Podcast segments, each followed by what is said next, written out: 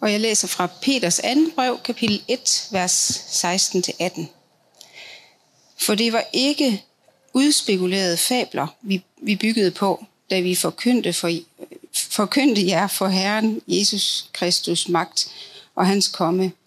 Men vi havde med egne øjne set Jesu majestæt. For han modtog ære og herlighed af Gud Fader, da der lød en røst til ham fra den ophøjede herlighed. Det er min elskede søn. I ham har jeg fundet velbehag. Denne røst har vi selv hørt lyde fra himlen, mens vi var sammen med ham på det hellige bjerg. Og øh, jeg læser fra øh, Matteus evangelie kapitel øh, 17, vers 1-9. Seks dage efter tog Jesus Peter og Jakob og hans bror Johannes med sig og førte dem op på et højt bjerg, hvor de var alene. Og han blev forvandlet for øjnene af dem. Hans ansigt lyste som solen, og hans klæder blev hvide som lyset. Og se, Moses og Elias kom til syne for dem og talte med ham. Så udbrød Peter og sagde til Jesus, Herre, det er godt, at vi er her.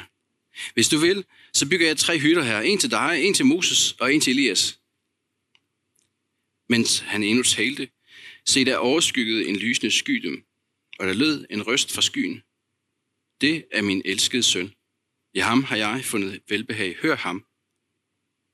Da disciplene hørte det, faldt de ned på deres ansigt og blev grebet af stor frygt. Men Jesus gik hen og rørte ved dem og sagde, Rejs jer og frygt ikke. Og da de løftede deres blik, kunne de kun se Jesus alene. Mens de gik ned fra bjerget, befalede Jesus dem, Fortæl ikke nogen noget om dette syn, før menneskesønnen er opstået fra de døde. Værsgo at sætte jer. Lad os bede sammen. Herre himmelske far, vi er samlet til gudstjeneste nu, både børn og juniorer, os der sidder her i rummet, for at lytte til dig til dit ord. Åbn vores ører, så vi hører dit ord. Åbn vores øjne, så vi ser dig, Jesus. Og åbn vores hjerter, så din ånd må fylde os op og sende os ud i verden omkring os. Amen.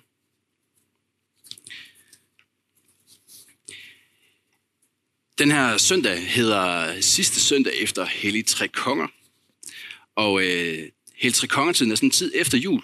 Og så indtil øh, det, der begynder nu, som er sådan, øh, øh, på vej ind i fastetiden frem mod påske. Fra sådan en helt gammel tid, så blev Heltre Tre Konger også kaldt epifanitiden. Og epifanitid, epifani er sådan et meget gammelt græsk ord, som øh, betyder noget med at blive synlig. Øh, at øh, om noget bliver åbenbaret, eller noget bliver forklaret, noget kommer til syne. Og øh, det er egentlig det, der har handlet om i de her gudstjenester, der har været siden øh, jul. Først hører vi om de vise mænd, der kommer og tilbærer Jesus, det her lille barn, som er et kongebarn. Eller da han som øh, 12-årig kommer ind i templet og bliver væk fra sine forældre, og alle folk bliver forundret over hans, øh, hans visdom, hans indsigt. Eller da han i Kana gør øh, vand til vin til den her bryllupsfest, hvor han viser sin magt og sin generositet. Eller da han helbreder en spedalsk, og viser sin myndighed selv over sygdom. Og nu, hvordan han forklarer sig på bjerget og åbenbart viser sin herlighed, sin, sin uendelige magt. Og øh, på en eller anden måde, alle de her søndage handler om at forklare, hvem er Jesus? Hvem er det her lille barn, som vi, vi holdt jul for, vi fejrede jul for og gav hinanden gaver for? Hvem er det her menneske? Jo, han er den, der har magt til at helbrede han er den, som kan gøre vand til vin. Han er den, som kan, øh, den, den, som har en uendelig indsigt. Som er, noget, som er et lille menneske, men alligevel noget helt andet. At han er Guds søn. Og det er derfor, at den her dag i dag er sådan på en måde klimakset på hele den her øh, vandring fra de vise mænd til den her forklarelse på bjerget, som skal vise, hvem er Jesus. Og som skal forklare Jesus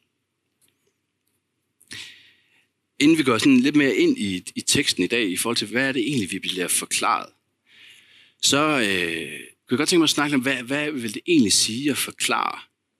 Hvad er forklarelse i grunden? Jo, når noget bliver forklaret, så øh, det, der bliver forklaret, ændrer egentlig ikke karakter, eller, men det, der bliver forklaret, forbliver i grunden det samme. Men det er som, at det, der bliver forklaret, fremstår klarere. Det, der, var, øh, der måske var toget for en, fremstår lige pludselig klart. Som det egentlig virkelig er. Lad mig komme lige to små eksempler. Øh, jeg husker, da jeg gik i skole, måske et banalt eksempel, jeg gik i skole. Øh, jeg har altid elsket matematik. Øh, men jeg kan huske, var det der med, jeg kan faktisk ikke huske noget, det var dividere eller minus. Det var, jeg kunne ikke, det der med at dividere, jeg kunne ikke sådan fange det. Jeg forstod det ikke. Lige pludselig til en eller anden dag, der var en, en lærer eller en eller anden, jeg aner ikke hvem, forklarede mig det. Hvordan man dividerer. Og sagde, nå, det er sådan. Men det var egentlig ikke, fordi der, der var sket noget nyt med, hvordan man dividerer. Men jeg er lige pludselig, nå, det er sådan der. Sådan et helt andet eksempel kan være, hvis at du har været oppe og skændes med din ven, eller din kone, eller mand, eller et eller andet. Øhm, og noget tænker, hvorfor gør han sådan der? Åh, det er irriterende. Det er også bare, fordi han sådan og sådan og sådan og sådan. Indtil du måske får en forklaring på, hvorfor gør han sådan, eller hvorfor sagde hun sådan. Nå! Det, og det er jo ikke fordi, at det, og det betyder på en eller anden måde, at du ser det andet menneske i et nyt lys, når du får den forklaring. Det er ikke, det er ikke fordi menneske, den, den, du har været op og skændes med din kone eller mand eller ven, eller hvad nu er, har ændret sig, eller er blevet noget andet. Men du ser lige pludselig vedkommende i et andet lys.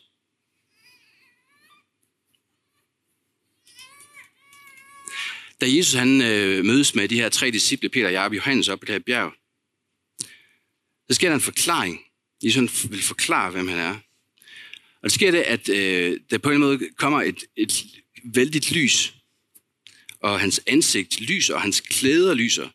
Og lige så står han mellem Moses og Elias, de her to øh, mastodonter, de her kæmpe skikkelser fra det gamle testamente. Det er som om, at han på en eller anden måde, mellem de her to, sådan, det er sådan, nærmest sådan en trone, han sidder på. Det står ikke noget om nogen trone. Sådan. Øh, men så lyder der den her røst fra himlen. Det der er min elskede søn, i ham har jeg fundet velbehag. I ham har jeg velbehag. Præcis de samme ord, der bliver sagt fra Gud, da Jesus han bliver døbt. Det Gud han gør her, det er, at han forklarer, hvem Jesus han er. At det her menneske, som de har vandret med i hen mod tre år, og som de har gået på alle de her støvede veje med, han er Guds søn. Han er Guds egen søn. Han er himlens og jordens herre. Og han viser ham den, hvem han virkelig er. Og i den forstand er den her forklaring på bjerget i virkelig en afsløring af, hvem Jesus han er. En afsløring. Så er der sådan et slør, der tages væk fra dem, så de faktisk ser, hvem han er. Måske har de anet nogle ting. Nu får jeg lov at se, hvem han egentlig er. Men i den her forklaring, det bliver ikke tilføjet noget nyt til Jesus. Han får ikke lige pludselig vinger eller noget, eller flyver rundt. Han er præcis den samme, men de ser ham i et helt nyt lys. Men de ser ham lige pludselig i et helt nyt lys. Her var det et konkret lys, der på en eller anden måde var omkring ham, men de ser ham i et helt nyt lys nu. Men Jesus er ikke forandret. Og det er det, der er hele pointen i den her forklaring af Jesus. At den forklarede Jesus, som de ser op på det her bjerg, det er den samme, som det Jesus, de vandrede rundt med på de støvede veje. Det er det hele pointen i den her beretning. Han er den samme.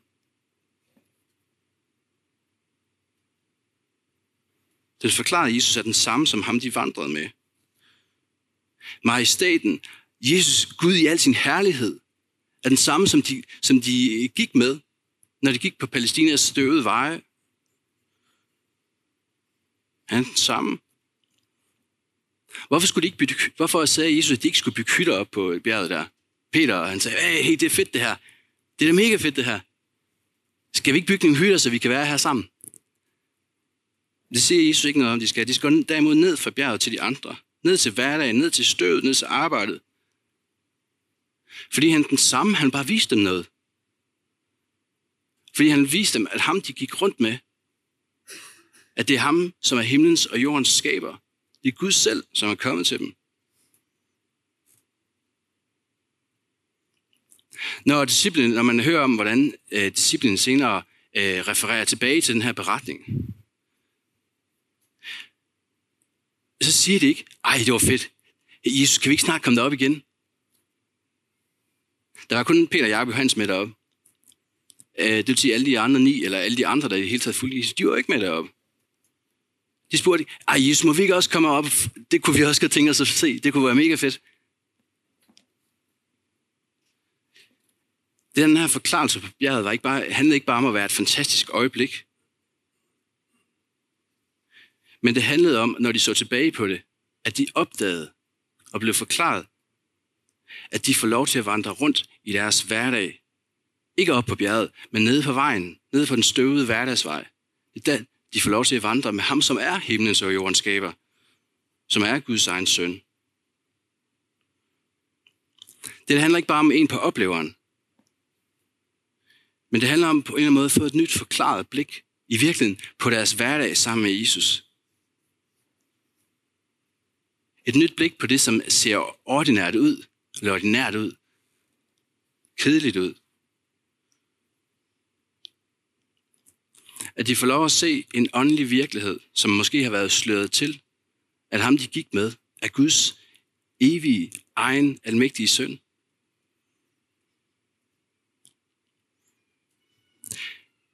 Så i virkeligheden handler den her beretning på bjerget ikke om store øjeblikke, men handler dybest set om deres hverdag, om vores hverdag. Om vores liv. Vi har ikke nogen bjerge i Herning. Som sagt har vi gør skraldebjerget, som ikke, jeg tror ikke, man kalder det bjerg, det er en lille bakke øh, med en masse byggeaffald. Øh, det er godt at kælke ned fra og sådan noget. Måske kender du også til det at have oplevelser på bjerget i dit liv med Gud store, måske åbenbaringer, han har givet dig. En drøm, eller et ord, eller øh, billeder, eller noget, som på en eller anden måde er gået op for dig. Vigtige, øh, betydningsfulde øjeblikke med Gud. Måske oplevede du det også som bjerget at komme til gudstjeneste og være med til at synge lovsang sammen, og være med til at fejre et lille barn, der blev døbt. Øh, fællesskabet. Og alt det er godt. Det er godt for nogle mennesker at komme på bjerget, og på en måde få gode, store oplevelser. Men det er dybest ikke det, det handler om. Det handler om, at jeg tror at nogle gange, han giver store oplevelser til nogen. Ikke for at give dem store oplevelser, men for at give dem et nyt blik på deres hverdag med Gud. På deres arbejde, på deres børnepasning, på deres travlhed, på vores kedsomhed. At Gud, han er ikke bare på bjerget, men han er den, som er langt større end bjerget, som har skabt bjerget, men som går med os i vores hverdag. Jeg tror, at de fleste af os på en eller anden måde elsker store oplevelser. Med mennesker, med Guds store følelser, store forklaringer, og alt er godt. Men når Gud han forklarer sig, giver os oplevelser, giver mennesker oplevelser, så handler det altid om at give et nyt blik på vores hverdag. At ham, der er med i din hverdag, at han er Guds søn.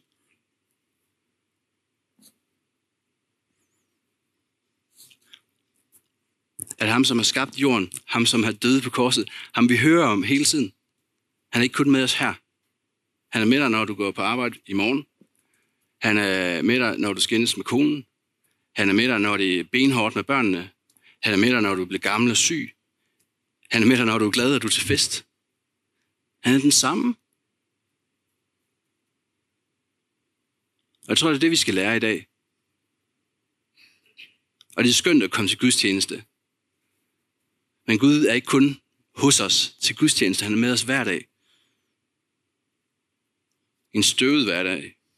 Midt i sygdom og modgang og hårdt arbejde og alt muligt andet.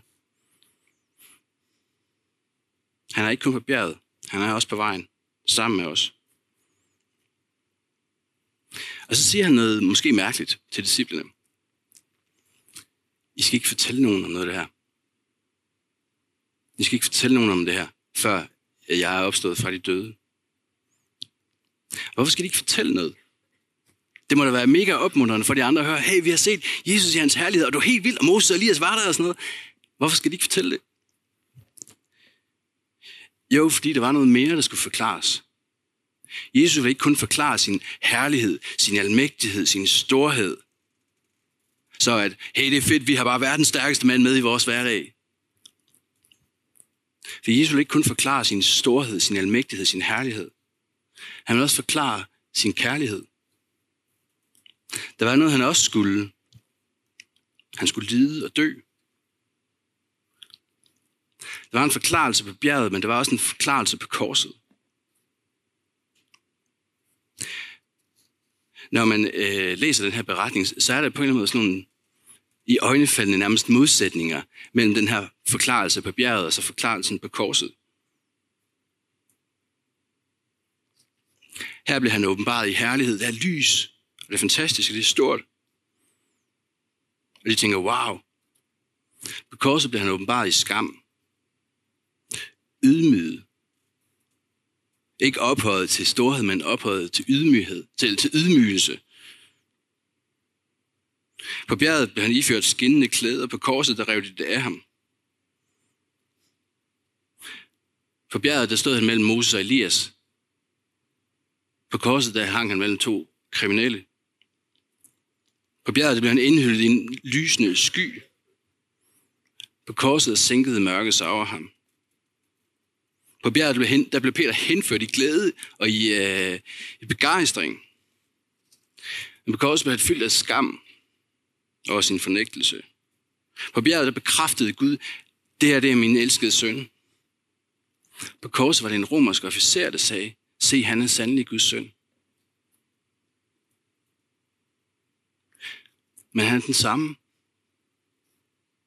Ham, som blev, blev åbenbaret i herlighed, han er den samme, der åbenbarede sig i skam. Jesu herlighed og hans lidelse hænger sammen, fordi han, det er den samme.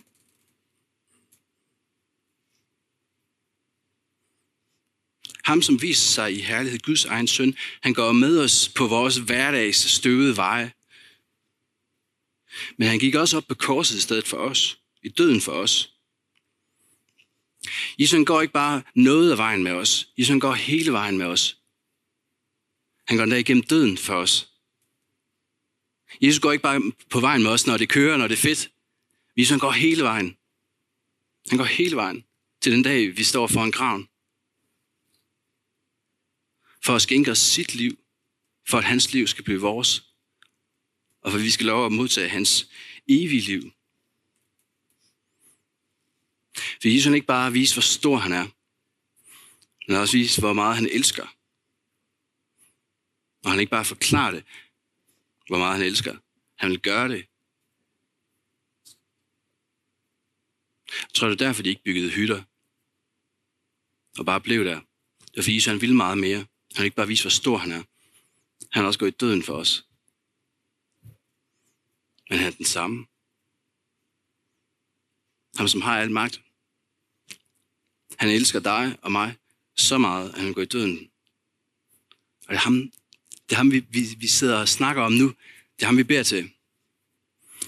Det er ham, der går med dig på arbejde i morgen. Det er ham, der går med dig til, hvad end du skal i morgen, eller på tirsdag, eller onsdag, eller fredag. Og han går med dig hele vejen. Ikke kun så længe det er sjovt. Han går med dig hele vejen. Resten af dit liv. Jeg er med jer alle dage ind til verdens ende. Lad os bede og tak for det. Hey, Jesus, jeg tror ikke, der er nogen af os, der fatter, hvor, hvor stor du er, hvor stor din herlighed er. Eller hvor øh, vildt det var, det som Peter og Jakob og Johannes oplevede. Men de bevidner det og du bevidner det også på mange måder igen og igen. Du bevidner det, når vi kan kigge ud på naturen omkring os, eller på det lille vidunderlige barn, der lige er blevet skabt, eller når du griber ind og gør store under, eller øh, giver os store forklaringer. Men her Jesus, tak fordi, at, at du på den måde kommer igen og igen på alle mulige måder og viser os, hvem du er i din herlighed, men ikke kun det.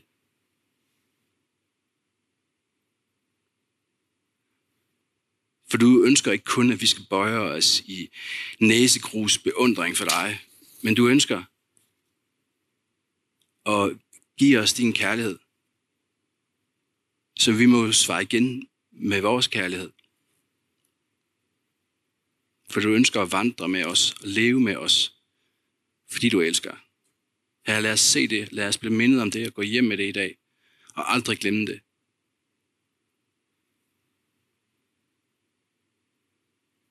Og at du går med os hele vejen. Amen.